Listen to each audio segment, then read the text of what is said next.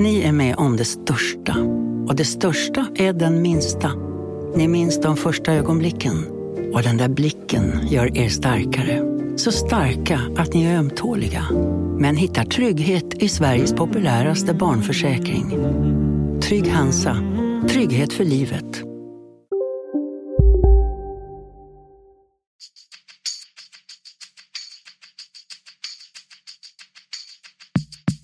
Skönt att komma ut och uh, bara lukta gräset. Så det, är, det är fotboll för mig.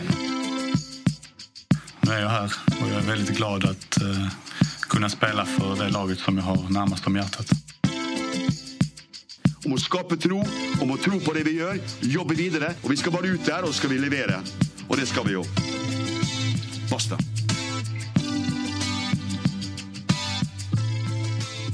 Välkomna tillbaka till MFF-podden. Det här är avsnitt nummer 255. Jag heter Fredrik Hedenskog. Jag har sällskap av Max Wiman och Fredrik Lindstrand. Välkommen tillbaka! Tack! Härligt att vara här.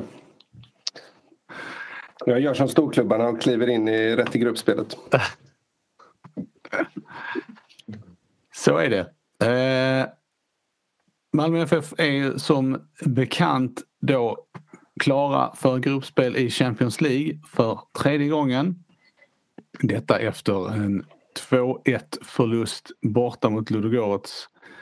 Um, vilket ju var tillräckligt eh, efter 2-0-segern hemma. Vi återkommer till den matchen eh, vad, vad det lider här under eh, samtalets gång. Men vi börjar med det eh, färskaste egentligen, det vill säga lottningen som ju då skedde på torsdagskvällen. Malmö FF lottades alltså mot eh, Chelsea, Juventus och Zenit från Sankt Petersburg. Och eh, ja, hur, det blev ingen lätt lottning för Malmö FF den här gången heller, Fredrik. Nej, eh, ur pott tre om man tittar bara strikt till rankingpoäng så var ju eh, Sankt Petersburg det enklaste man kunde få ur, ur tredje potten då. Eh, Sen så finns det ju andra saker bakom de där rankingpoängen. Jag menar MFF har bättre rankingpoäng än Wolfsburg till exempel som gjorde processen ganska kort med MFF i, i Europa League för inte så länge sedan. Eh, och sen, ah, men sen är Chelsea regerande mästare och eh, Juventus eh, också rankingmässigt ett av de svårare lagen i pott 2. Å andra sidan så var alla lag fruktansvärda i pott 2. Man ska komma ihåg att sedan några år tillbaka så är det ju så att de sex stora nationernas mästare hamnar i pott 1 automatiskt. Det är därför det blir lite konstigt. Malmö har ju högre rankingpoäng än Lille som låg i pott 1 till exempel. Mm. Eh, nej, men min första tanke när man satt och tittade på lottningen var ju liksom Grupp G, Grupp G, hoppas Malmö hamnar i Grupp G. Eh, när lottningen väl blev klar att de hade fått Sankt Petersburg så liksom gick tankarna en annan väg. Jag tror att det är, om man ska se det krasst sportsligt så tror jag det är bättre för MFF att gå en kamp mot ett lag rakt av och att de andra lagen förmodligen kör över Sankt Petersburg och Malmö fullständigt. Än att hamna i en grupp där kanske lag börjar slå varandra. Eh, att det kanske var större, ännu större risk att MFF hade hamnat sist ändå så att säga då. Eh, sen ska vi ha klart för oss att det är oerhört tufft i vilket fall som helst. Eh, Malmö har gjort bra insatser mot väldigt stora lag på hemmaplan. Har inte fått med sig poäng mot de här allra största men visst, men bra då kanske man kan spela oavgjort mot Juventus, vem vet. Men, men jag tror att det, att eh, det är en bra lottning så tillvida att det blir en kamp mot Sankt Petersburg och sen så får vi se om Sankt Petersburg är mycket bättre än Malmö. Eh, vilket de kanske borde vara, men vi har blivit lurade för. Jag är inte riktigt eh, med på, på det eh, resonemanget där men jag, jag tycker om man tittar på, nu, så har det faktiskt varit i de två senaste Champions League-äventyren att det har varit två urstarka lag och så ett lag, Shakhtar eller Olympiakos då. Om man nu ens kan kalla Shakhtar för det, det är ju oerhört skickligt lag liksom, som MFF då ska slå igång en match om tredjeplatsen med. Då, då, tycker jag snarare att de här Europa League-gruppspelen där det har varit någorlunda jämnt och lagen faktiskt har plockat poäng av varandra och har gjort så att MFF har gått vidare två gånger just det. Men, alltså det är svårt att säga på förhand men eh, det, jag tror ju att Sankt Petersburg har betydligt större chans att plocka poäng av Chelsea och, och eh, Juventus på sin hemmaplan än vad, än vad MFF har. Men däremot så kan det mycket väl vara så att, det, att MFF kan kan sno en trea hemma av Sankt Petersburg. Nej, men alltså, så är det ju naturligtvis att Sankt Petersburg är, är ju ett bättre lag i grunden. Det är ju ingen tvekan om det. Eh, skillnaden jag menar mellan Europa League och Champions League är att eh, även om vi tyckte att Grupp G så var hyfsat lätt på Champions League så, så är det ändå på en högre hylla än en grupp i Europa League. Mm. Kan jag känna. Men det är jättesvårt att veta och det, eh, jag säger väl fortfarande att det, det är ju svära i kyrkan men rent sportsligt så hade det kanske varit eh, Eh, bättre för Malmö FF att hamna i Europa League om man ser till alla förutsättningar men det är klart att det är en fantastisk utmaning och möjlighet att spela Champions League igen. Ja, men det är ju någonstans, eh, det är ju någonting annat. Det är ju, det är, nu börjar ju en annan typ av fotboll liksom. Där det handlar om, alltså där, där, där liksom MFF går in till match på helt andra premisser än vad man vanligen gör liksom. Uh, det, vad är det, eh, eh, jag räknade ut igår att MFF har släppt in 36 mål på de här eh, 10, eller vad säger jag, på de här 12 Champions League-matcherna man har spelat. 2014 och 2015. Det, ju, det, det handlar ju faktiskt om att, att, att, hålla ihop det så mycket som möjligt. Och man, kanske framförallt 2014 så gjorde MFF en del fina matcher. Atletico Madrid hemma är väl kanske den som står ut speciellt sådär. Och man, man, man liksom stod för några ärosamma förluster och så men det, man är liksom inte van att se Malmö FF spela sådana matcher. Man är alltid van vid att se Malmö FF föra matcher men det är, ekonomiska skillnaderna är ju de är, de är så enorma liksom så det blir en helt annan typ. Champions League blir något annat. Det blir aldrig riktigt så orättvist eller vad man ska säga i Europa League. I alla fall inte i gruppspelet blir det ju väldigt sällan så i alla fall. Sen är, man kan ju, den ekonomiska förutsättningarna och situationen är ju något helt annat och det måste man naturligtvis räkna in i Champions League. Alltså bara det faktum att Sheriff Tiraspol eh, slog ut eh, Dynamo Zagreb eh, i sista playoff-matchen innebar eh, lite i skymundan att, att det, tickade in 11,7 miljoner på MFFs konto eftersom då avancerade ett hack på den här andelslistan.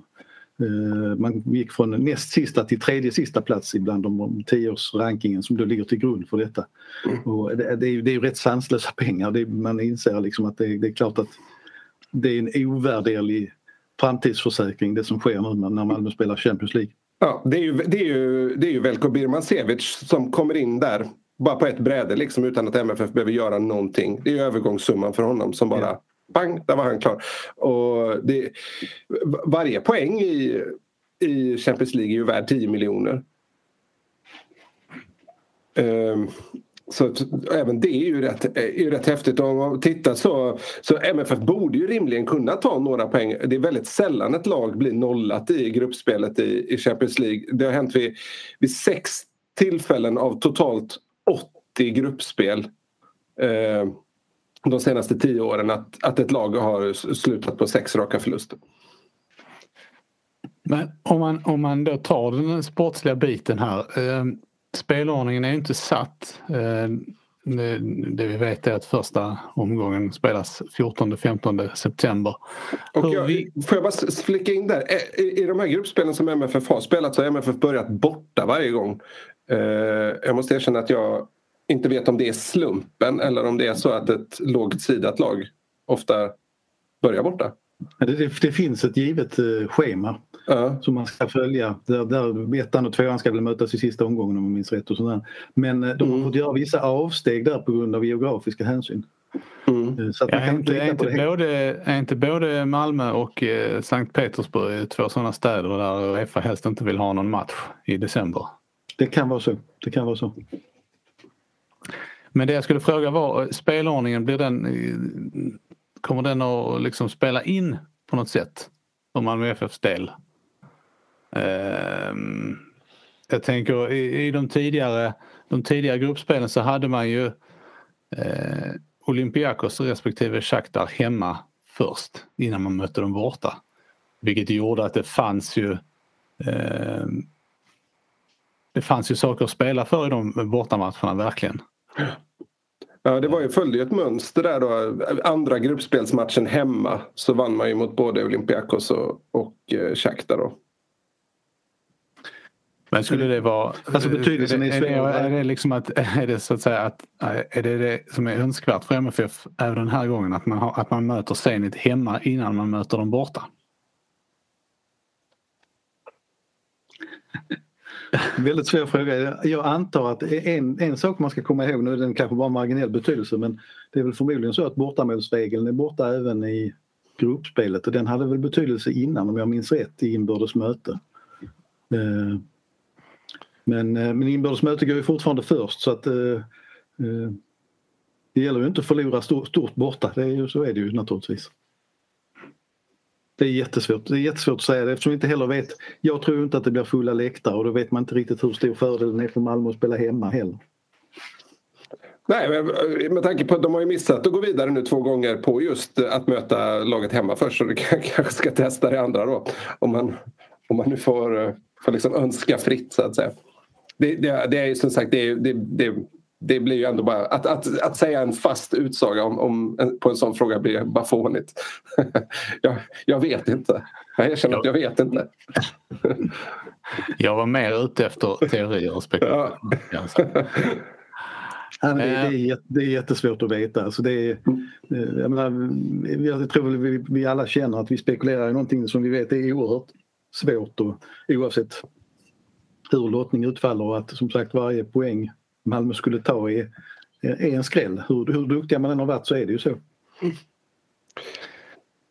Men, man, äh, förlåt. förlåt. Jag tänkte fråga dig Fredrik, eftersom den här gruppen till sin sammansättning ändå eh, mycket liknar de tidigare grupper som MFF har eh, spelat i. Mm. Hur, skulle du, hur, hur jämf, skulle du jämföra den här gruppen med de två, de två tidigare? Är det liksom samma, går det rätt ut eller är det svårare? Eller? Det är väl... Ja, jag tycker att den är ganska likvärdig, det får jag nog säga. Uh, Juventus är förmodligen lite bättre nu skulle jag säga. Det låter kanske konstigt att säga det med tanke på att de kommer från en med deras mått mätt svag säsong. Alla säsonger som de inte vinner ligan är ju svaga. Eh, men jag tycker att de har något spännande på gång. Eh, de har väl också, de har väl inte riktigt lyckats kan man väl säga och generationsväxla där men de är ja, de är ändå på gång på det. Vi får väl se om Ronaldo är kvar där. Jag, jag, tycker, jag tror inte att det behöver vara negativt för klubben om, eh, om Ronaldo försvinner bort från, från dem. Det öppnar ju definitivt för Kulusevski som känns eh, spännande men de har ju bara Chiesa, Betancourt och Locatelli och Morata och, alltså, och så backlinjen där, där de har det italienska EM-guldmedaljörparet plus då eh, eh, holländska de Ligt. Så ja, det, det, de, känns, de känns jämförbara, absolut. Och Chelsea är ju ett betydligt bättre Chelsea än vad MFF mötte i Europa Leagues 16-delsfinal. Vi får komma ihåg att Chelsea faktiskt är regerande Champions League-mästare. Mm. Det, det, säger en del bara det. Mm. Däremot ja, just... Juventus ut mot Porto i åttondelsfinal va? Ja precis. De har ju varit, sen de, de värvade ju Ronaldo då för att kunna ta det här sista steget i Champions League men det har ju snarare fått motsatt effekt. Um, så att, eh, ja, det har ju väl väckt en del kritik mot honom där. Men alltså eh, vad ska vi säga, Malmö har ju gjort imponerande insatser, inte minst nu i kvalet. Så att, att, att eh, på hemmaplan kan ju fortfarande vad som helst hända. Det, det, visar man ju även mot Chelsea och man har visat att man, man kan vara med i matcher. Det, det, en dag så snubblar det väl in en poäng, man vet aldrig. Men det är klart att, att Sankt Petersburg blir ju den, den den stora utmaningen och det blir spännande. Det är mycket möjligt att de möter dem två matcher efter varandra då. För så har det nog varit tidigare om jag minns rätt. Men eh, det, ja, det, det, det, är svårt att spekulera. Det, det är mm. verkligen. Jag, eh, jag har inte någon koll på detta. När lottas, när kommer spelordningen? Det, eh, jag tror att Olof Lund i sändningen igår sa lördag, alltså imorgon. Eh, men det verkar inte riktigt som att någon vet för när eh, kollega Mattias pratade med Daniel Andersson igår så trodde han att den skulle komma betydligt tidigare, kanske till och med på torsdagskvällen men så blev det inte. Alltså man har lite svårt att förstå varför den inte kan komma ganska snart efter lottningen. Ja, eller varför den inte kan kommuniceras när den kommer. Ja, det också. Det är många hänsyn som ska tas till de stora lagen, det är väl mycket där det ligger. Får jag spåra in på ett annat spår vad det gäller lottningen? Så jag, plockade, eller jag hade grunden lagd innan men plockade fram lite rolig statistik. Eh, på MFFs Europaresa sen 2011, ni vet då när de gick in i Europa League, liksom det första gruppspelet.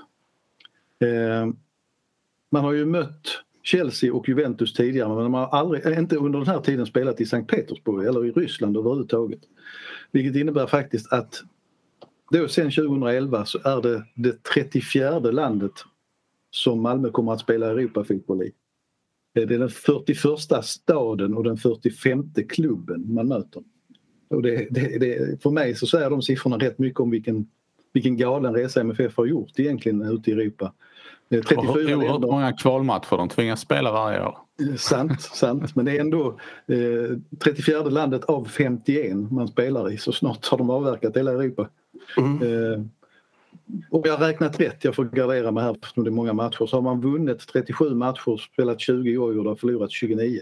Det är ju mycket kvalmatcher som sagt men, men eh, den erfarenheten man har skaffat sig den eh, tycker jag har visat sig att den har betalat sig väldigt mycket den här hösten i kvalet. Eller sommaren. Ja, oh ja. Oh ja. Ryssland blir en ny erfarenhet eh, eh, för Malmö FF. Eh, det ska bli väldigt spännande att se vad, vad Zenit står. Liksom. Det är ju, när vi pratade med spelare igår på kvällen där så, så verkar det ju som att alla är ganska överens. Och vi har inte pratat med alla spelare men det, är liksom, det verkar som att uppfattningen är att det blir, det blir att slåss med Zenit på tredje platsen. Det är liksom ingenting man, man så att säga hymlar med eller säger vi ska vinna alla matcher och sådär utan det är liksom ja, det är, det, det, det är den realistiska målsättningen. Så, där. så de är ganska det, det, de är ganska svårlästa Zenit.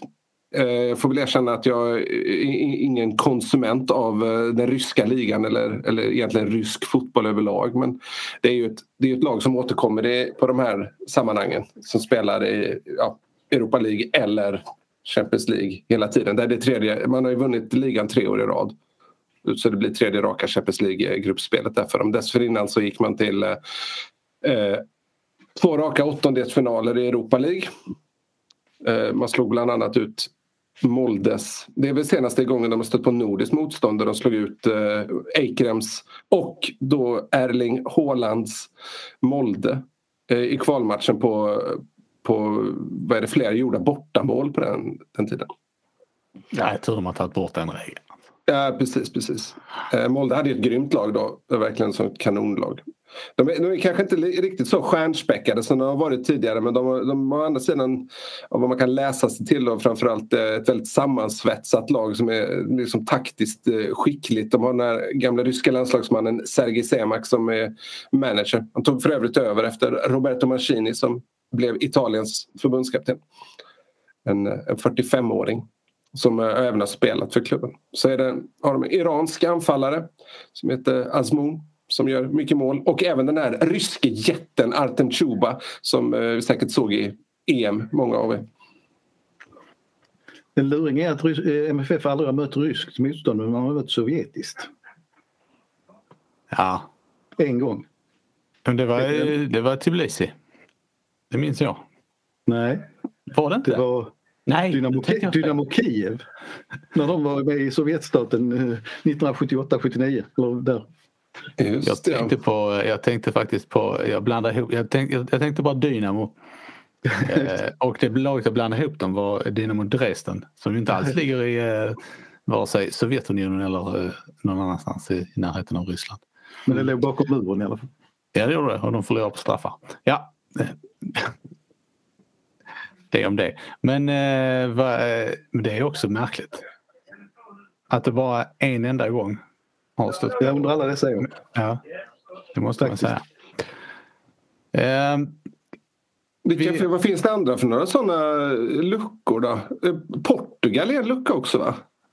De mötte ju Sporting i Uefa-cupen. Eh, de har spelat sex matcher. Första omgången eller något sånt. Något de år åkte ut. De har faktiskt mött portugisiska lag sex gånger. Alltså tre ja, okay. möten. Men inte de här senaste tio åren väl? Eh, nej.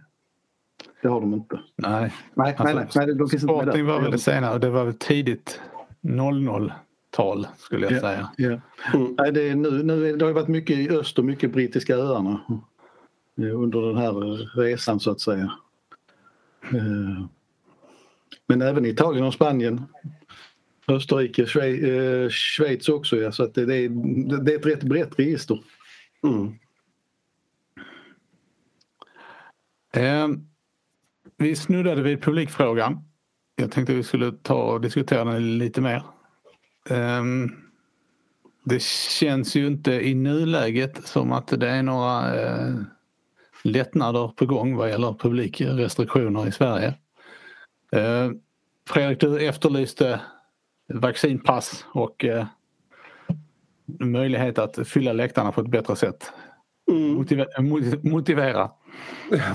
Motivation- Det, det, det funkar ju utomlands eh, till stor del och eh, jag tycker att det borde väl kunna testas här också. Frågan analyseras ju inom regeringskansliet just nu. Jag sa att Amanda Lind sa till Göteborgs-Posten här i vad blir förra veckan, förra helgen att hon inte vill utesluta vaccinationspass eh, i höst och att det finns inga juridiska hinder för att det ska kunna införas. Så, eh, FHM, regeringen ska ha gett Folkhälsomyndigheten då i uppdrag att utreda den saken. Sen får man väl se hur fort det går. Eh, det, man har väl känt under den här pandemin att Folkhälsomyndigheten kanske inte har haft ett sportprio. Eh, så får man väl tycka om det är rätt eller fel men det, det, det är inte så det har känts i alla fall. Alltså, jag håller- Förlåt Max, fortsätt. Den frågan är ju, är ju egentligen bredare än så. Jag, om vi får ha åsikter så jag ju- förordar jag ett vaccinpass absolut i många sammanhang. Eh, och jag tror att det är en nödvändighet om vi ska kunna öppna upp och komma på ett säkert sätt. Jag hörde faktiskt på nyheterna nu på morgonen här. Man pratade om eh, både konserter och fotboll och att eh, enligt uppgift så på EM-finalen i London hade man räknat ut att 3000 människor smittades och det är det av, jag vet inte om det var officiellt var det väl 60 000 och då skulle man omvandla det så skulle en fullsatt Malmö stadion, eh, stadion i Malmö innebära att 1000 människor blir smittade. Eh, och det tycker inte jag är acceptabelt utan man måste ju hitta en, en väg i så fall för säker, säkra evenemang. Jag tycker som fotbollen tidigare har varit alldeles för enkel i, i liksom sin argumentering utan men vaccinpass är ju en lösning. Och jag tror att det är den typen av lösningar man måste hitta. Ja, för det känns ju, eh, det känns ju märkligt när man eh, nu liksom har när arenor runt om eh, på olika ställen fylls. På många ställen i, i länder där man har stängt ner hela samhället vid upprepade tillfällen. Eh, inte minst då i Storbritannien men även eh, Brönnby stadion var ju eh, fullsmockad i, eh, i onsdags när de spelade sin playoff-retur mot, eh, mot Salzburg. Eh, och det går ju ganska mycket stick i stäv med det som eh, med de åtgärder som har vidtagits i Danmark tidigare under pandemin. Eh, Ja, att eller så, är det- eller så är det väl rim, ett rimligt utfall av de åtgärder som man har gjort. Att man har stängt ner för att kunna vaccinera och öppna upp. Och det är väl, det är väl någonstans, det, det är väl lite det. Jag kan väl bara känna mig lite frågande till vad, plan, vad den svenska planen egentligen är. Men, eh, men just det, alltså det känns ändå som att man kan alltid diskutera de olika strategierna utomlands men de har i alla fall, det känns ju som att det har funnits någon slags röd tråd eh, på ett annat sätt. Sen kan man ju tycka vad man vill om lockdown eller, eller vad man har gjort men det, Sverige har väl kanske vacklat lite mer. Men Sverige har varit otydligt, Mm. tycker jag. Men vad skulle, hur stor... Eh, eh, vad skulle det betyda för Malmö FF? Sportsligt enormt mycket. Det, är ju, det har man ju ett flertal Europamatcher som, eh, som bevis på. Dessutom så skulle det bli en extra boost av att faktiskt eh, av att faktiskt eh, det blir första gången på länge också som det skulle vara. Eh, Om inte fullsatt så i alla fall eh, ja, majoriteten av platserna tagna. Det skulle ju ge en sån kick bara det liksom. Det märkte man ju första matchen när de fick släppa på folk att det lät ju det var väl Riga hemma om jag inte minns fel eh, i Europa då. Att bara det var en sån injektion liksom. Ja, ekonomiskt så skulle om man ska prata pengar med dem igen, även om de har mycket i kassan, så är det säkert en 3-4 miljoner per match de skulle tjäna ytterligare. Om de kunde sälja slut stadion naturligtvis. Det är klart att det, det har ju betydelse i högsta grad det också. Även om jag tror att sportsliga just nu kanske skulle vara viktigare. Men, eh, men eh, jag tvivlar ju starkt på att det blir så. Jag tvivlar ju starkt på att vaccinpass är klara redan till dess. Men jag hoppas jag har fel. Ja, chansen ökar ju om MFF börjar borta här nu då igen. Vilket man ju får tänka sig att de gör. så vi är några veckor till i alla fall. Jag försökte leta också för det sades faktiskt att Uefa skulle lämna ett besked igår om man skulle tillåta bortafans på gruppspelsmatcherna eller ej. Men eh, jag har inte sett uppgifter någonstans faktiskt. Hur Nej, jag har också spanat efter detta. Det enda man vet är att i Premier League till exempel som har det här vaccinationspassystemet där är ju bortasupportrar tillåtna då. Från och med denna säsongen. Men eh, det, det, är ju resor inom landet så att det är en annan situation. Den är inte, inte, inte 100% jämförbar.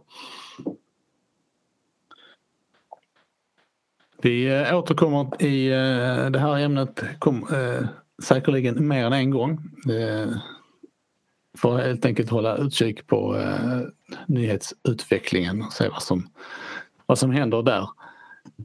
Nu tänkte jag att vi skulle backa bandet lite grann och prata om eh, Malmö FFs väg till det här gruppspelet. I, i, framförallt då eh, playoff-returen i eh, eh Där ju eh, det mesta, får man säga, gick mot Malmö FF. Eh, ändå så, och de förlorade ju förvisso matchen men de tog sig vidare. Och då frågan som jag riktar till dig Max är varför gjorde de det? Varför de gick vidare? Ja, eh, förutom att ja, de jag, gjorde ett mål mer. Jag, jag, tycker att de har skapat en, eh, vad ska vi säga, de har skapat en, en ännu tydligare kultur av hur man spelar ute i Europa och hur man behärskar. Alltså man, man behärskar både att, att faktiskt dominera matcher nu men också att, att täta till matcher.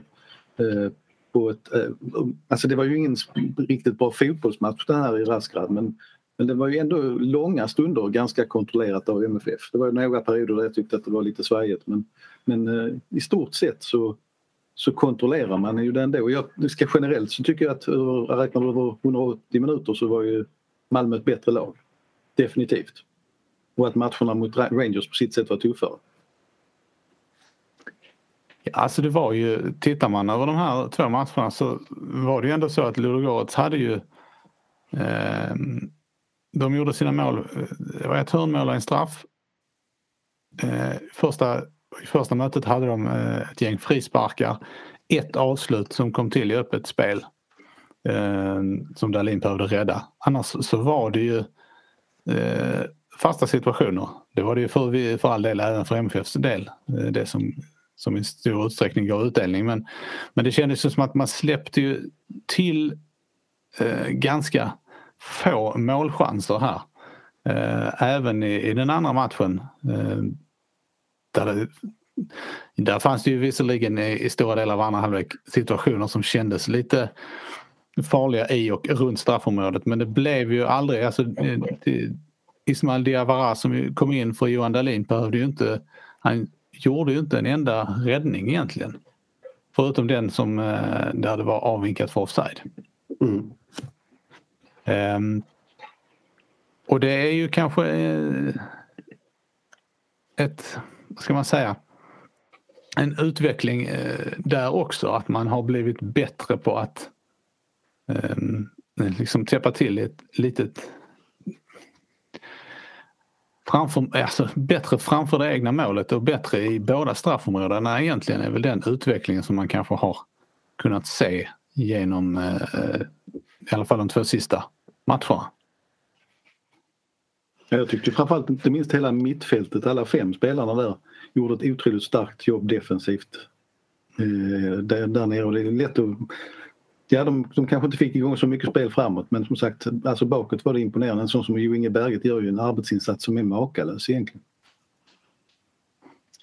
Ja, det är ju, ja, det är ju ett, en form av inställning till de här matcherna som till viss del är unikt för MFF. För att, alltså, alla lag tränar ju inte någonstans ganska lika i Sverige och alla har tränare som kan fotboll bra. Det är ju ingen som inte liksom kan de teoretiska bitarna av fotbollen som är tränare. Men det handlar ju någonstans om att när chansen väl dyker upp i straffområdet och det kan handla om 200 miljoner om du rensar bollen eller om du sätter den i nät. Då handlar det om att göra rätt. Och där är, där, det, det, det, det är liksom inget sånt som man bara kan det går inte att träna sig till det. det handlar liksom, där, där handlar ju det om den här vinnarkulturen, att det finns, att man inte räds ögonblicket och så vidare. Och så här. Och där är ju MFF, där är man ju faktiskt fortfarande unik i Sverige i, i det läget. Liksom. Det, MFF är oerhört bra på att vara bäst när det gäller och där har ju tränarna en väldigt, väldigt stor roll. Och i och med att Jon Dahl Tomasson inte är så, vad ska man säga, inte så väldigt medial av sig. Eller man vet, man vet inte så mycket om liksom personen Jon Dahl Tomasson kanske. Hur han, han, han, liksom, han öppnar inte upp på det sättet. Det måste man inte göra heller. Men jag tror att han har betytt oerhört mycket för eh, att MFF har tagit det här nästa steget i, i Europa. Jag tycker man har kommit med självklarhet i de här kvalmatcherna. Eh, man får faktiskt inte glömma av att MFF har gjort några eh, so-so matcher i de här kvalen. HIK borta var verkligen inget vidare och samma sak egentligen med Riga borta var inte heller något bra liksom men de är ändå bäst där de behöver vara bäst. Och det är, när man summerar det, inte sådär jätte... Det var inte sådär jättespännande egentligen. Vi är specialister på det vi gör, precis som du. Därför försäkrar vi på Swedea bara småföretag, som ditt. För oss är små företag alltid större än stora och vår företagsförsäkring anpassar sig helt efter firmans förutsättningar. Gå in på swedea.se företag och jämför själv.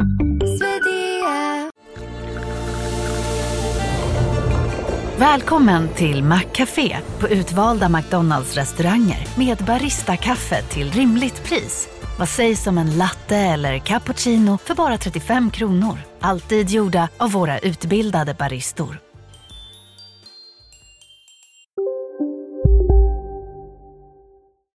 Det här kvaläventyret utan MFF tog sig till Champions League. Liksom. Det krävdes inga mirakelföreställningar mot Celtic eller, eh, eller mirakelföreställningar mot eh, eh, vad heter det, Salzburg. Och nu inser jag att jag måste korrigera mig lite där för eh, Rangers borta var ju verkligen en, en form av mirakelföreställning. Men det var, så, det var ju så speciella förutsättningar där med en utvisning tidigt och sådär. Men det, jag, vet, jag, jag, tycker, om man bortser från just den matchen så tycker jag ändå att det finns en, det finns en självklarhet i, i Malmö FFs sätt att spela de här matcherna nu. Och den kom väl kanske lite med Rössler, eh, det här kvalet till Europa League när man slog ut Benay Hoda i sista omgången och även förra året var det väldigt stabilt och säkert Eh, Eh, bortsett då från Granada. Men det var, det, det var ingen publik på läktarna, det var enkelmöten, lite annorlunda. Så det är svårt att dra för stora slutsatser av just det kvaläventyret. Men det, jag tror att Thomasson har oerhört stor roll där, inte minst med sin internationella rutin. Att, att MFF faktiskt har eh, ja, kunnat ta nästa kliv liksom, och vara förberedda för det som väntas skall. Liksom.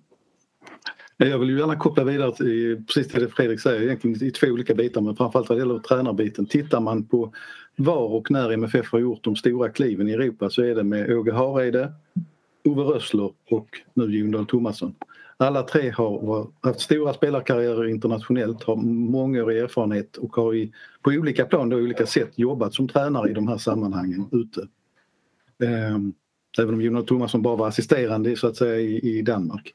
Eh, jag tror att, att det är mycket av den kulturen som, man, på något, som de implementerar i laget runt de här matcherna. Att de lever upp själva. Det såg man ju eh, naturligtvis på Åge men även på Rössler och han levde upp i de här matcherna. Och Thomasson visar kanske inte det lika tydligt utåt. För jämför man sen, och det är kanske lite taskigt då, men Magnus Perssons inhopp eh, internationellt var ju inte värst.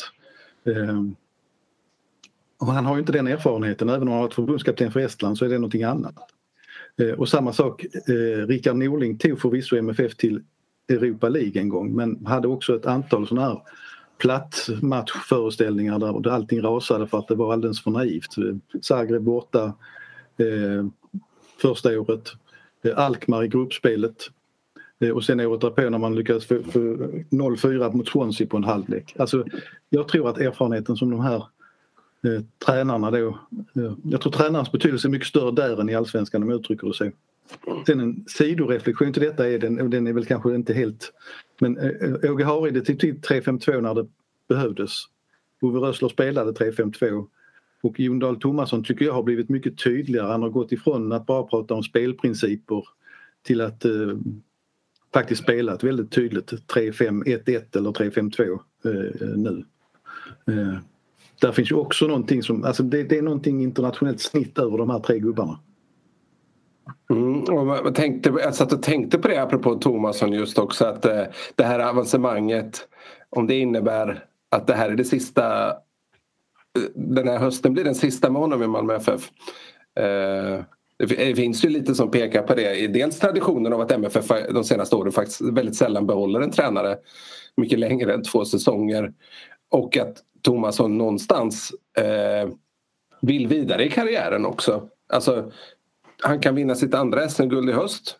Eh, det återstår att se, det blir rätt spännande det där. Men, eh, och så får han ett Champions League-gruppspel här. Liksom, det för, eh, för en eh, tränare så är det ju ett perfekt läge om man vill vidare. Så att säga och att han fortfarande har sin familj kvar utomlands säger väl att han kanske inte ska bli kvar här i, i tio år liksom, och bygga någon slags Ferguson-dynasti.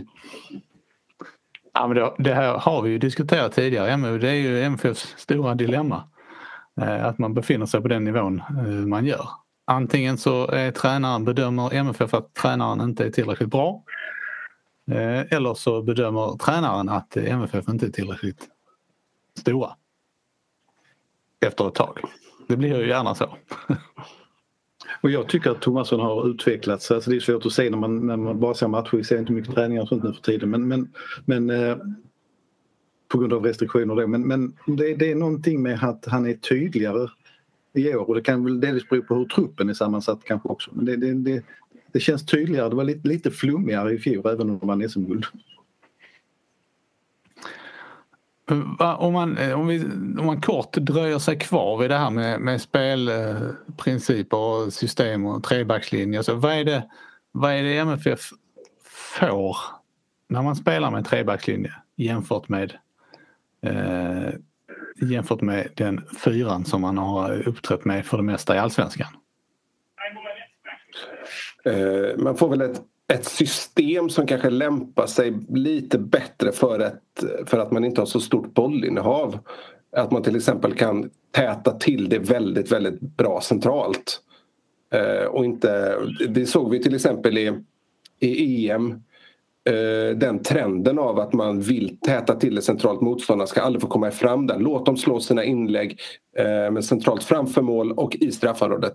Där ska vi ha ett numerärt överläge och där ska vi vara bäst. Det är liksom, just nu är det den, den typen av taktik som dominerar i, i fotbollsvärlden. Det fanns ju några få undantag då varav Italien egentligen var, var ett som faktiskt lyckades eh, till, övermästra alla som använde den andra taktiken. Men ja, de, de flesta, eh, Danmark gick över till det eh, under turneringen efter att ha inlett med en fyrbackslinje till exempel också. Men väldigt många valde då det här centrala tilltätandet. Eh, om man tittar på, eh, på det här kvalet i, liksom, som någon sorts helhetsperspektiv, Max. Var, var skulle du vilja sortera in det eh, jämfört med de andra eh, kvalen som MFF har genomfört de sista tio åren? Det är ganska svårt det också. Det har liknat det till viss del kan man väl säga för att det har inte, som Fredrik var inne på så har det inte varit jätteimponerande insatser i de två första omgångarna här. Malmö har ju, det har ju varit lite snällt men så ser det ju ofta ut i Europa. Sen har du ju eh, Alltså bragderna då mot Salzburg och även Celtic de sitter väldigt starkt på näthinnan men bragden borta mot Rangers är ju på Salzburg-nivå för mig som jag har sagt tidigare. Alltså det, det är att, att göra två mål med en man mindre på bortaplan och dom, dom, faktiskt dominera. Det, det, det, är där, det är väl det som är den stora skillnaden om man uttrycker det så. Jag tycker att, att det finns i, i, pres, i resultatmässig prestation finns det väl likheter med de andra åren till viss del men eh, MFF har ju flyttat fram positionen i form av att, att man har dominerat i kvalet på ett annat sätt än de andra åren. Det tycker jag är den stora skillnaden. vad gäller matchen i, i Razgrad så känns det också som att det är lite svårt att springa förbi den utan att prata om VAR. Detta kära ämne. Um, jag vill bara börja med att säga att de, de domsluten som fattades med hjälp av VAR var naturligtvis helt korrekta. Um, men att det som då i fallet med Sören Rex bortdömda kvitteringsmål att det tar tre minuter och tio sekunder för VAR-rummet att hitta en offside på cirka en decimeter. Det är ju eh, det är inte roligt alltså. Replik? Max Wiman. Nej men så här. Eh, om vi tar det, just det exemplet med eh, eh Rex mål och Christiansens offside. Så har jag sagt tidigare, jag var med på någon sån här varuutbildning i Danmark för ett par år sedan och det, det, det, det beslutet är korrekt eh, enligt regelboken men det är inte korrekt enligt hur man sa att VAR ska fungera. Därför att situationer som var oerhört tveksamma skulle man fria istället för att fälla. Alltså där det egentligen i detta fallet menar jag också att det hade ingen betydelse för spelet. Det är liksom ingen som kan, det är ingen som kan ha spelat på den situationen att, att det skulle liksom bli eh, aha han är offside, vi behöver inte jobba vidare. Det, det, det, liksom, det var en det är så, så tveksamt. England har ju, har ju vad jag förstår använt VAR exakt så, liksom väldigt by the book. Eh, slaviskt. För, och det, därför blev det väldigt mycket debatt i England. Så att eh, i min värld med VAR så tycker jag att, och det har inte med Malmö FF att göra, men jag tycker att man ska släppa den typen av, när man kommer till sådana tveksamheter ska man säga det här har inte med spelet att göra. Vi släpper den. Eh, Därmed så är ju... Ja, förlåt. Nej, men det var just det som fungerade överlag. Det fanns undantag ganska bra i EM. Att huvuddomaren har ansvaret liksom. Och tycker han att eh, det är mål och att linjedomaren inte ser någon offside heller så då är, då är det mål. Det var som sagt det, det, det var så oerhört marginellt. Så, eh, jag kan inte säga att det påverkade, hade betydelse för spelet. Det, det är liksom, och där, där, det är en känsla som är, som, är, som är svår att exakt sätta eh, men där fotbollen måste hitta rätt på något sätt tror jag, i sitt regelverk. Eh, däremot som sagt att, att eh, bulgarerna får straff är ju svårt att säga emot. Det hade ju varit helt fel om de inte hade fått det för det var en väldigt tydlig hands, det var ingenting att snacka om. Sen blir det ju olyckligt att Malmö hinner kontra och kanske nästan hade hunnit göra mål. Alltså det får man säga att det var ju tur att de inte gjorde mål. Ja, det hade varit, det hade varit riktigt tråkigt. Eh, Men det som, det, som, det som blir, det som händer med de här långa avbrotten är ju att alla, alla tappar i tempo. Det var ju naturligtvis bra för Ludogorets att Malmö fick ett mål bortdömt men det, det, det liksom övertaget som de ändå hade, den medvinden som de hade fått efter sitt ledningsmål och, eh, och publiken eh, också kände det försvann ju liksom under det här uppehållet. Ja, nej, det är ett problem när det tar tid, absolut. Men samtidigt så, så, så, så får det ju ta lite tid. Men det jag tyckte var mest imponerande i den situationen var egentligen hur Malmö tog tag i det. Eh, båda var situationerna så liksom där tror jag man har lärt sig någonting. För kommer ni ihåg när Wolfsburg gjorde 1-0 här på Stadion efter ett varmål så säckade ju både publik och lag ihop fullständigt. Men, men här tog man tag i det och liksom hade på något sätt vant sig vid situationen. Det, det tyckte jag var oerhört imponerande. Ja, det var faktiskt, och det, framförallt eh, Anders Christiansen har en stor roll där man såg hur han direkt drog igång löpningar efteråt eh, för att liksom visa laget att eh, vi öser på det var, framförallt då efter det här bortom 1-1 målet. Det var ju en knäck liksom. Det var jobbigt att få. Det var ju precis det man har pratat om, inte, inte släppa in ett tidigt mål. Det kan bli jättejobbigt och anstormningen kommer och så vidare. Men han valde att ösa på i löpningarna väldigt tydligt efter att han hade släppt in ett, äh, fått sitt 1-1 bortdömt då för att, för att liksom mana på laget att vi, vi viker inte ner oss här. Det är, det är också en del av den här Europarutinen de har skaffat. Alltså jag i grunden så, jag, menar, jag, jag ändrar inte inställning till VAR på grund av den här matchen, inte på något sätt. Men jag, som jag sagt tidigare, jag tror man måste slipa på detaljerna och precis som Fredrik säger att fungerar det väl i EM och det har fungerat väl i andra sammanhang men, men här var det, blev det longörer och det är lite anmärkningsvärt eftersom det var en av Europas bästa domare som dömde dessutom att han inte fick eh, kanske lösa den situationen själv ute på planen. med en liten signal från varummet att okej okay, det här var offside men det har ingen betydelse för spelet. Kan jag tycka. Sen var det däremot en sak som, som jag hängde upp mig på på andra hållet och som, var, som inte har med VAR att göra men eh, hade jag varit eh, bulgar så hade jag ju tyckt att jag blev bestulen på två minuter av andra halvlek. Eftersom det skedde en skada precis i samband med när tillägget kom upp och eh, det borde varit sju minuters tillägg enligt mig och det blev bara fem. Jag trodde faktiskt att domaren blåste av för något helt annat och blev väldigt snopen när jag insåg att det var slutsignal. Nej, det kändes lite som att alla uppfattade det så. Eh, radioreferatet som jag hört nu i efterhand var ju också helt förvirrat. Man förstod inte vad som hände där på slutsignalen. Eh, det var ganska kul. Jag trodde först det var någon VAR-historia, att de hade hittat en straff till eller någonting. Men, men det var en väldigt, väldigt konstig situation för det blev ologiskt. Och egentligen så kommer, men det, det är naturligtvis en helt annan diskussion, men jag kommer ju bara tillbaka till det jag har förespråkat många gånger. Att ge fotbollen effektiv tid så att alla vet vad som är kvar. Stanna klockan när domaren blåser eller bollen går ut och starta den igen och spelet går igång. Så kan man göra i så många andra idrotter och det, det skulle bli bättre för publiken att veta faktiskt. Det blir lite slumpartat det här känns det som. Och, får bara kasta oss fram och tillbaka mellan ämnena. Vi pratade om publik på läktarna där så nämnde vi eh, Danmark. Eh, nu kom det precis en flash här om att de släpper alla sina coronarestriktioner från och med den 10 september. Så, eh, det, apropå olika strategier och sådär. De kommer alltså inte ha, ens ha ett system med vaccinationspass utan nu är det bara ja, som, det var, som det var en gång. Ah, hygge överallt hela tiden. Ja, det kommer hygga, hygga så det står härliga till. um, bra. Uh, jo, det som också inträffade i matchen var ju att uh, Johan Dahlin blev skadad och ersattes av Ismail Diawara. Uh, skadan såg ut att sitta någonstans på vad eller uh, hälsena, mm. vänster ben. Mer än så kommer vi nog aldrig få reda på. Men Ja, de får svårt att förneka att det var en underkroppsskada i alla fall. Det tror jag inte till och med... Det kan nog till och med MFFs kommunikationsavdelning gå med på att det var. Kanske kan säga en underbensskada rent ja. till och med det. Nej, ska vi, inte, ska vi inte gapa efter för mycket tycker jag. Nej. Mm. Men frågan är ju vad, vad, vad betyder detta för MFF? Ska de, ska, hur oroliga ska MFF vara för det här framåt? Det är så ja, svårt kommer... att säga när man inte vet skadans omfattning.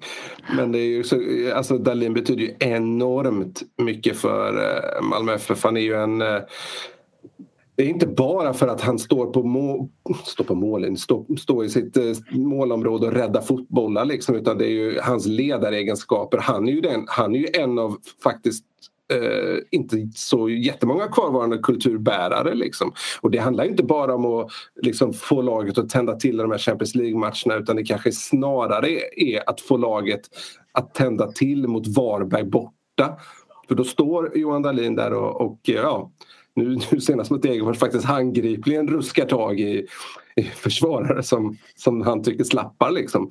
Alltså, det, det, Johan Dahlin är otroligt viktig för MFFs, eh, inte minst kampen i allsvenskan. Nej, vi vet ju för lite om hur Diawara kommer att fungera men han, han, det var nog väldigt skönt för honom att få göra det här inhoppet eh, när, när det gick som det gick naturligtvis. Men det, där Malmö har väl lite tur med skadeläget är väl att det är Hammarby på söndag och sen är det ett långt landslagsuppehåll. Eh, vilket innebär att eh, det är ju faktiskt rätt mycket tid att, att läka såren här efter. Mm. Och de har ju flera spelare som, jag tänker både på Moisander och på den nya Peña är ju viktiga spelare att få tillbaka naturligtvis. Precis. Och då är det ju MFF, när det är ett uppehåll.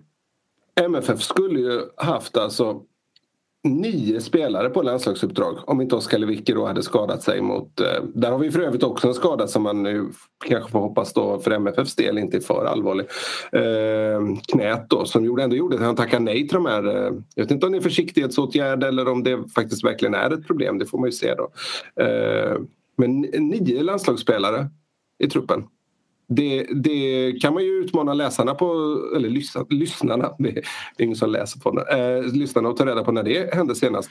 Om ni vill läsa på den så får ni mejla Fredrik Lindstrand för den. Så, så transkriberar jag den till er.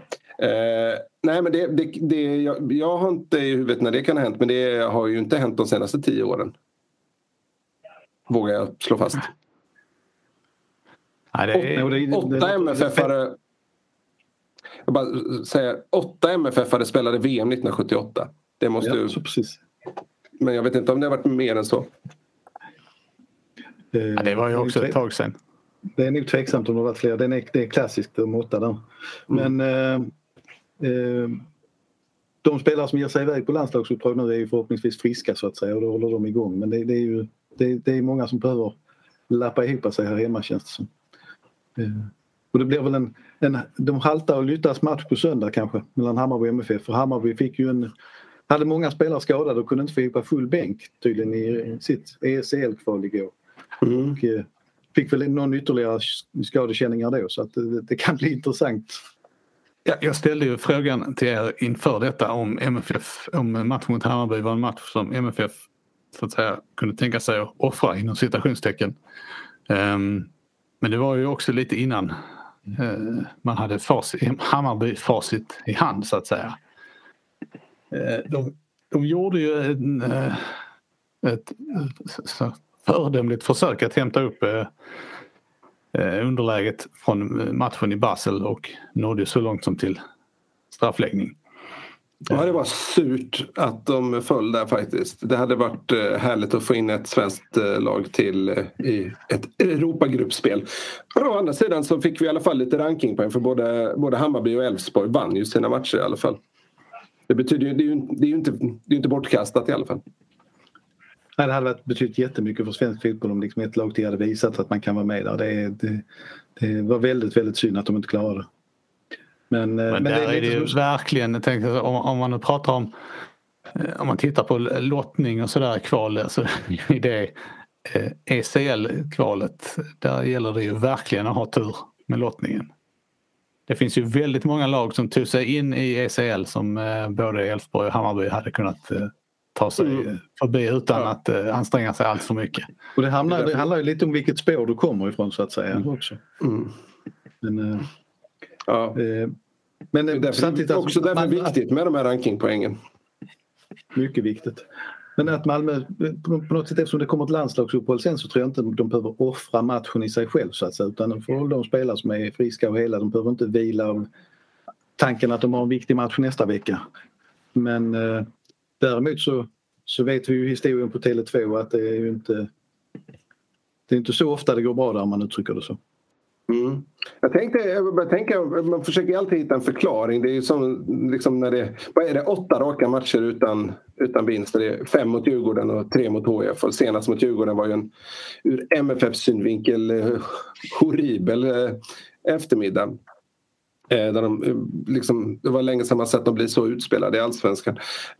Men jag tänkte på det med Åge Hareide. Han har ju en förmåga liksom att sättas här eller hade ju en förmåga att med uttalanden ändå få komma innanför skinnet på, på motståndarna. Men det här badmatte-uttalandet han gjorde, det var väl i, till dig Max han sa det va? Badrumsmatte, att det var som en badrumsmatta eller vad det var va? Som ett badkar. Ja, det var så det var. Jag funderar om inte det uttalandet satte sig för mycket i Malmö FF-spelarnas huvud. För det verkar ju fortfarande leva kvar. Att det, att det liksom har skapat en bild av att det är väldigt svårspelat där uppe. Och att det är någonstans någon... Även om ingen skulle liksom... Även om ingen skulle erkänna det som att det ändå är... Det är okej att tappa poäng där uppe. Nej, men det, det är ju mycket mentalt spel så det, är- det är säkert så att det, det, det sitter i skallen där. Det har ju varit många prestationer som inte har varit bra. Har det dess fel. men, äh, det blir, men det blir väl till väldigt stor del en, en, eh, en, en match där det mentala kommer bli avgörande. Liksom. Eh, Just på grund av vad, vad laget, lagen kommer till spel med. Hammarby kan de liksom ändå hitta någon revanschlusta och ändå ta med sig det som de faktiskt gjorde väldigt, väldigt bra mot Basel. Och för MFFs del kan man skaka av sig att man faktiskt ska liksom ut i Europa igen och liksom den känsloladdning som det trots allt var. Jag menar det är ju fantastiskt rörande bilder när man ser Anders Christiansen sitta där på, på gräsmattan och, och efter slutsignalen och, och liksom gråta av glädje. Det är ju, det, det är ju sånt man, man följer fotbollen för att få, få se den typen av grejer. Och kanske borde vi nämna honom lite mer än vad vi har gjort. Dels den ledaregenskapen han visar med de här löpningarna. Och han är ju det här kvalets Rosenberg liksom. Jag tycker i tidigare Europaäventyr att han inte riktigt har trätt fram så mycket som man kanske hoppats med tanke på den statusen han har i allsvenskan. Men i det här kvalet har han ju verkligen han har inte bara visat liksom utanför planen i allsvenskan utan han har ju verkligen varit bäst i Europakvalet också. Det har ju varit, eh, det har varit häftigt att se hans utveckling. Han är ju en, på den här nivån en otroligt mycket bättre spelare än han var, på två, var för två år sedan. Och jag tror att den här EM-platsen fick honom att lyfta ytterligare. Kaptensutnämningen i MFF har säkert fått honom att lyfta ytterligare. Och, det är mycket möjligt att det finns fler bitar bakom och sådär. En omlagd kost, tränar kanske på något annat sätt. Eh, hur som helst, eh, det är en, en ny och mycket bättre Anders Christiansen som, eh, som leder MFF just nu. Det var inte på inget sätt dålig innan men han, han kan ju faktiskt föra spelet även i Europa och det har, det har man inte riktigt sett på det här viset innan. Det har varit häftigt att följa. Jag tror man ska inte förringa betydelsen just som du är inne på med EM. Att, att han var med i den truppen och tränade med dem en hel månad. Och, eh, liksom kände den, det suget och var med om den resan. Jag, jag tror att den, det var en kick. Mm ovanpå kaptensbindeln så att säga. Så att, eh, det är bara att hålla med. Det, det, det, det är flera spelare som, det är nästan de flesta spelarna har ju faktiskt toppresterat i kvalet överhuvudtaget och det, det är väl eh, det har gjort att de också, Malmö också har toppresterat som lag. Jag menar Lasse Nilsson har varit briljant genom hela kvalet. Eh, Björn Bancevic har varit det. Colak har gjort målen. Alltså Berget har gjort jobbet. Eh, Oskar Lewicki har varit på landslagsnivå. Det man kan nämna nästan allihopa i princip. Mm. Och så ska det bli spännande att se hur Penja kan lyfta det här laget. Ja, om och när han kan spela, för det vet vi inte heller någonting om. Jag, jag har en peruansk journalist som frågar mig flera gånger i veckan liksom, hälsostatusen. Han har lite svårt att förstå det här att vi inte får veta någonting. Då får du bara säga det är en underkroppsskada. Ja, Eller vad det nu är för... ja. Vi kan inte kommentera det. Nej. Det, är det såg ändå ut som det handlade om underkroppen. Mm, nu, slu, slu, sluta försöka få mig att bryta GDPR-reglerna. Eh, har ni några tankar som har för, förblivit outsagda? Tycker ni? Jag Eller många. allt sagt? Men, ja, eh, jag vill bevara mer för liksom, eh, vi, vi, drar ju så många trådar men den prestationen Malmö FF har gjort i Europa i sommar och på förhösten här, eller vi, ska, vi säger sommar för jag tycker det är sommar fortfarande. Den är fantastisk, det är en otrolig prestation av laget. Eh, man går in i Champions League för tredje gången sedan 2014. Man har också spelat tre Europa League sedan 2011. Eh, det, det är fantastiskt för svensk fotboll och eh, alltså jag, tror, inte alla förstår hur svårt det här är egentligen att, att ta sig igenom detta nålsöga som har blivit mindre dessutom med om. Så att eh, Malmö FF är bara att gratulera att man som, som förening har lyckats skapa denna internationella kärlek i väggarna både i sin egen arena och i hela stan som, som gör att, att vi får uppleva de här grejerna. Det finns ju något som är väldigt, väldigt speciellt när man ser Uefas officiella Twitterkonto liksom lägga upp en bild på, på ribban och fråga vilken stad är detta?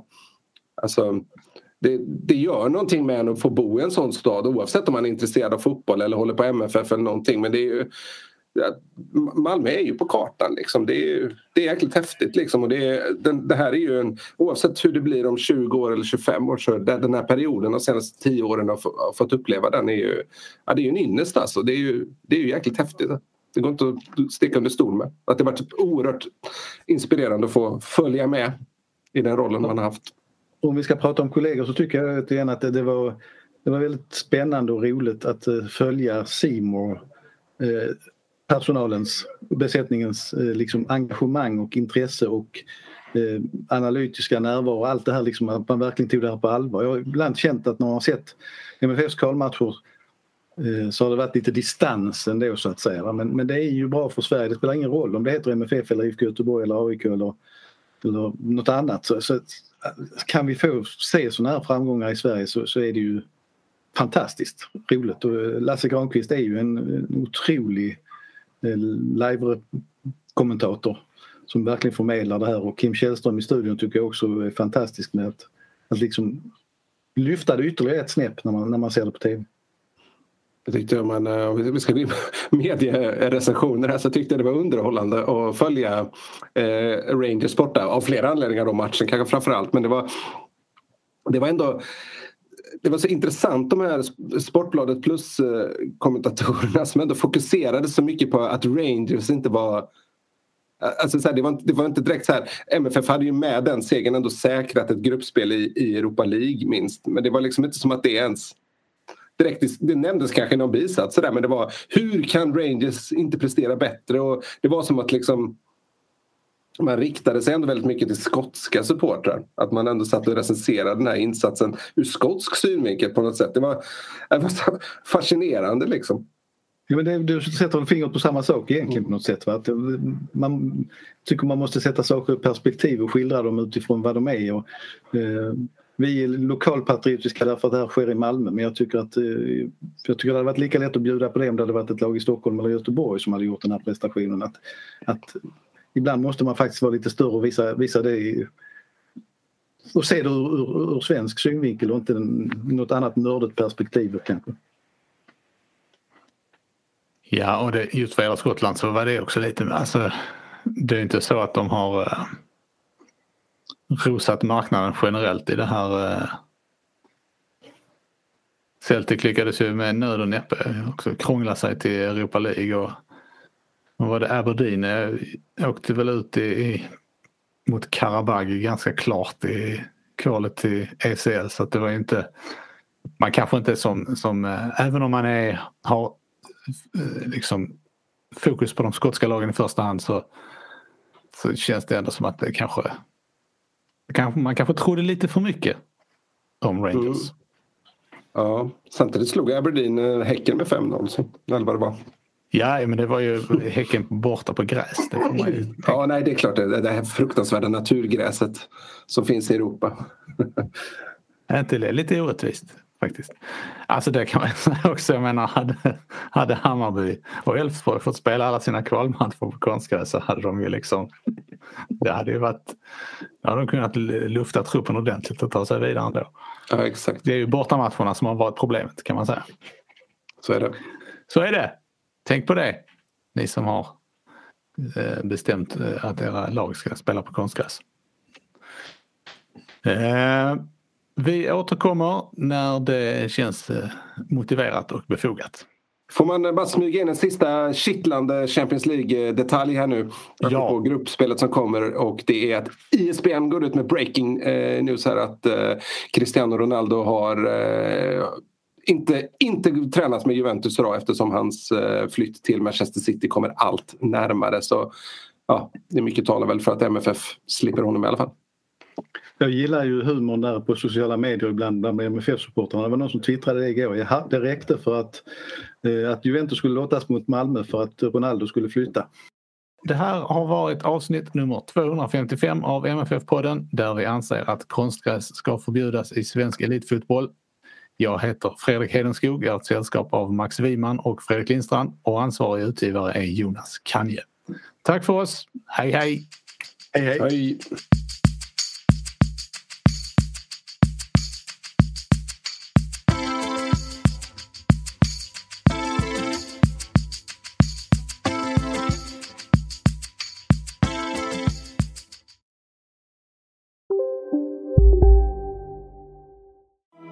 Sverige!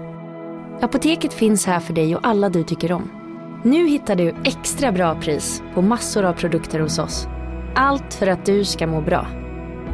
Välkommen till oss på Apoteket.